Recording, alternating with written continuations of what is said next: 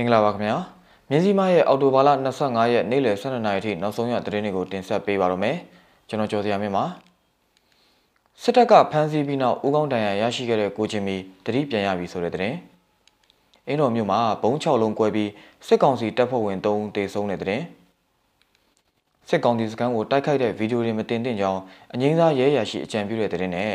နိုင်ငံဆယ်နိုင်ငံကတမ်မတ်ကြီးတွေကိုနှင်ထုတ်ဖို့တူရကီတမရညွှန်ကြားတဲ့သတင်းအစရှိတဲ့ပြည်တွင်းနဲ့နိုင်ငံတကာသတင်းတွေကိုတင်ဆက်ပေးသွားတော့မှာဖြစ်ပါတယ်ခင်ဗျာ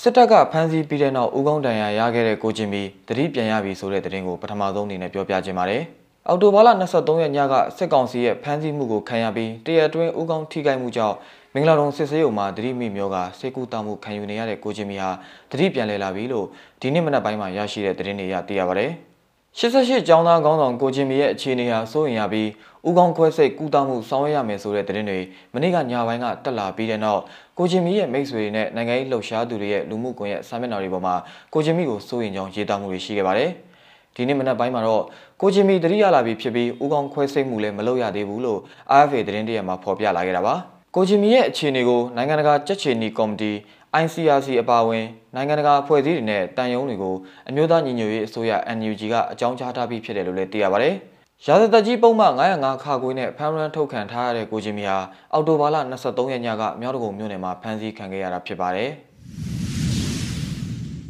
အင်းတော်မြို့မှာဘုံ6လုံးကွဲပြီးစစ်ကောင်စီတပ်ဖွဲ့ဝင်3ဦးသေဆုံးတဲ့တဲ့တဲ့နဲ့ဆက်ချင်ပါတယ်။အင်းတော်မြို့မှာဘုံ6လုံးကွဲပြီးစစ်ကောင်စီတပ်ဖွဲ့ဝင်3ဦးသေဆုံးသွားတယ်လို့ဒေသခံတွေကပြောပါတယ်။ စကိုင်းတိုင်းဒေသကြီးအင်းတော်မြို့အဝင်စိတ်ဟောက်ကျေးရွာအနီးကတော်တော်ကွန်းရဆိုင်ရှိမှာအော်တိုဘာလ24ရက်မနက်ပိုင်းကဘုံ6လုံးပောက်ကွဲခဲ့တာပါ။တေတဲ့3ယောက်စလုံးအရက်ဝတ်နဲ့ဆိုတော့ရဲလားစစ်သားလားခွဲလို့မရသေးဘူး။ဒဏ်ရာရတဲ့သူတွေလည်းရှိသေးတယ်လို့အသက်50အရွယ်စိတ်ဟောက်ကျေးရွာကအမျိုးသားတဦးကပြောပါတယ်။ တော်တော်ကုန်းရဆိုင်ဟာအင်းတော်မြို့အဝင်ထွက်စစ်ဆေးဂိတ်နီးမှာရှိတဲ့ကုန်းရဆိုင်ဖြစ်ပြီးစစ်သားနဲ့ရဲတပ်ဖွဲ့ဝင်တွေကုန်းရတောင်းစားနေတဲ့ဆိုင်ဖြစ်တယ်လို့ဒေသခံရွာသားတွေကပြောပါတယ်။အခုလိုဘုံပေါက်ကွဲမှုဟာအင်းတော်မြို့မှာပထမဆုံးပေါက်ကွဲမှုဖြစ်တယ်လို့ပေါက်ကွဲမှုမှာဘုံ6လုံးစက်တိုက်ပေါက်ကွဲခဲ့တာကြောင့်တမျိုးလုံးထိတ်လန့်နေရတယ်လို့လည်းသိရပါတယ်။မန္တလေးအင်းတော်မြကြီးနာမဟာဗျူဟာလမ်းကြီးပေါ်မှာရှိတဲ့အဲ့ဒီဂိတ်မှာရဲ15ဦးရဲမေ2ဦးကအမြဲတမ်းရှိပြီးဖြတ်သွန်းသွားလာနေတဲ့ကားတွေကိုငွေတောင်းတဲ့ဂိတ်ဖြစ်တယ်လို့ဒေသခံတွေကဆိုပါတယ်။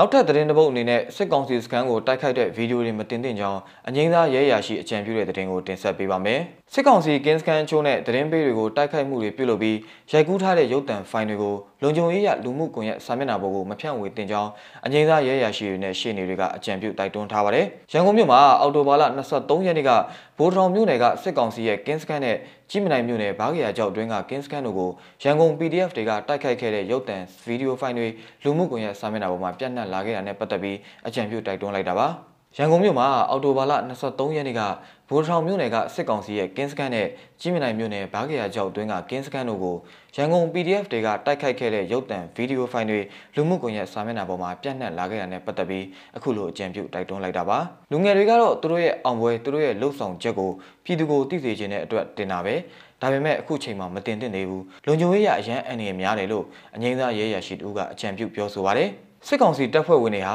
စနစ်တကျဖွဲ့စည်းထားတဲ့အဖွဲ့အစည်းဖြစ်နေတာကြောင့်တဲလွန်စာအသေးမွှားလေးမှစတင်ပြီးဂွင်းဆက်မပြတ်ဖော်ထုတ်လာနေတာကြောင့် PDF တွေအနေနဲ့အန်ရီများလုံးတယ်လို့လည်းအထက်ပါရဲရာရှိနဲ့တရားလွှတ်တော်ရှိနေအချို့ကပြောပါတယ်။ပြီးခဲ့တဲ့အောက်တိုဘာလ23ရက်နေ့ကမြမမီးရထားအောက်မြန်မာပြည်တရင်နဲ့ပြန်ကြားရေးဌာနမှတာဝန်ထမ်းဆောင်နေတဲ့အသက်56နှစ်အရွယ်ဦးထိန်ဝင်းကိုပြစ်ခတ်ခဲ့တဲ့ဗီဒီယိုဖိုင်မှာလည်းအောက်တိုဘာလ23ရက်နေ့ကလူမှုကွန်ရက်စာမျက်နှာပေါ်ကိုပြန်နှံ့လာခဲ့ပါတယ်။ သတင်းဌာနတွေအနေနဲ့လည်းယခုအချိန်မှာဗီဒီယိုဖိုင်တွေတင်နေခြင်းကိုတတိထားလှုပ်ဆောင်တင်တယ်လို့လည်းတရားလွှတ်တော်ရှင်းနေသူကပြောပါတယ်။ PDF တွေအနေနဲ့မြို့ပြတိုက်ပွဲဖြစ်လာသည့်အထိတဆင်ချင်းဖော်ဆောင်ရမှာပြည်သူထောက်ခံမှုရရှိစေရန်ပြည်သူတွေသိရှိစေရန်ဗီဒီယိုဖိုင်ရိုက်ကူးဖြန့်ဝေပေးမယ်လေယခုအချိန်ကာလဟာစိုးနေသေးတယ်လို့လည်းရှင်းနေတွေကတုံ့တက်ပါတယ်။အဲ့ဒီဗီဒီယိုဖိုင်တွေကိုပြည်တွင်း online media အများစုမှာလည်းဖော်ပြနေကြသလိုလူမှုကွန်ရက်စာမျက်နှာပေါ်မှာလည်းကြည့်ရှုသူနဲ့ပြန်လည်မျှဝေသူတန်းနဲ့ချီပြီးရှိခဲ့ပါတယ်။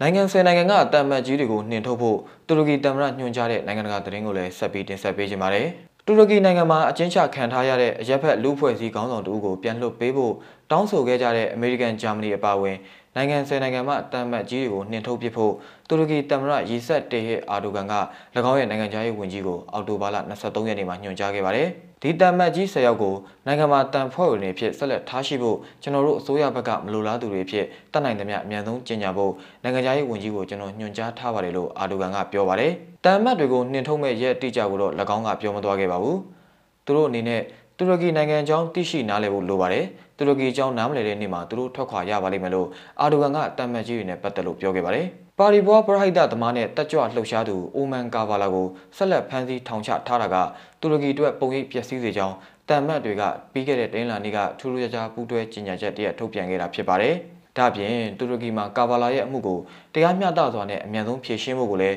အမေရိကန်၊ဂျာမနီ၊ကနေဒါ၊ဒိန်းမတ်၊ဖင်လန်၊ပြင်သစ်၊နယ်သာလန်၊နယူးဇီလန်၊နော်ဝေနဲ့ဆွီဒင်တို့ကတောင်းဆိုခဲ့ပါတယ်။ကာဗာလာကတော့တူရကီမှာ2019ခုကတည်းကပြစ်မှုထင်ရှားကြောင်းစီရင်ခြင်းမရှိဘဲထောင်ချခံထားရပြီး၎င်းဟာ2023အစိုးရစန့်ကျင်ရေးဆန္ဒပြပွဲတွေနဲ့မအောင်မြင်ခဲ့တဲ့2016ဆေးရနာသိန်းကြိုးပမ်းမှုတို့နဲ့ဆက်နွယ်ပတ်သက်တဲ့ဆွဲချက်တွေနဲ့ရင်ဆိုင်နေရတာပါ၎ င်းဟာဆိုရင်အာနာသိမ့်မှုကြိုးပမ်းမှုကိုကြော်လွှားလွန်မြောက်ခဲ့တဲ့နောက်ပိုင်းတူရကီသမ္မတအာဒိုဂန်ဖော်ဆောင်ခဲ့တဲ့ခြေပြက်တဲ့ဖြိုခွင်းနှိမ်နင်းမှုတွေရဲ့တင်ကေတာတစ်ခုဖြစ်လာခဲ့ပါတယ်။မြစည်းမရဲ့အော်တိုဘာလ25ရက်နေ့လယ်12နာရီထိနောက်ဆုံးရသတင်းတွေကိုတင်ဆက်ပေးကြတာပါမြန်မာပြည်သူပြည်သားအပေါင်းဘေးရန်တွေမျိုးမျိုးကနေကင်းဝေးကြပါစေခင်ဗျာ။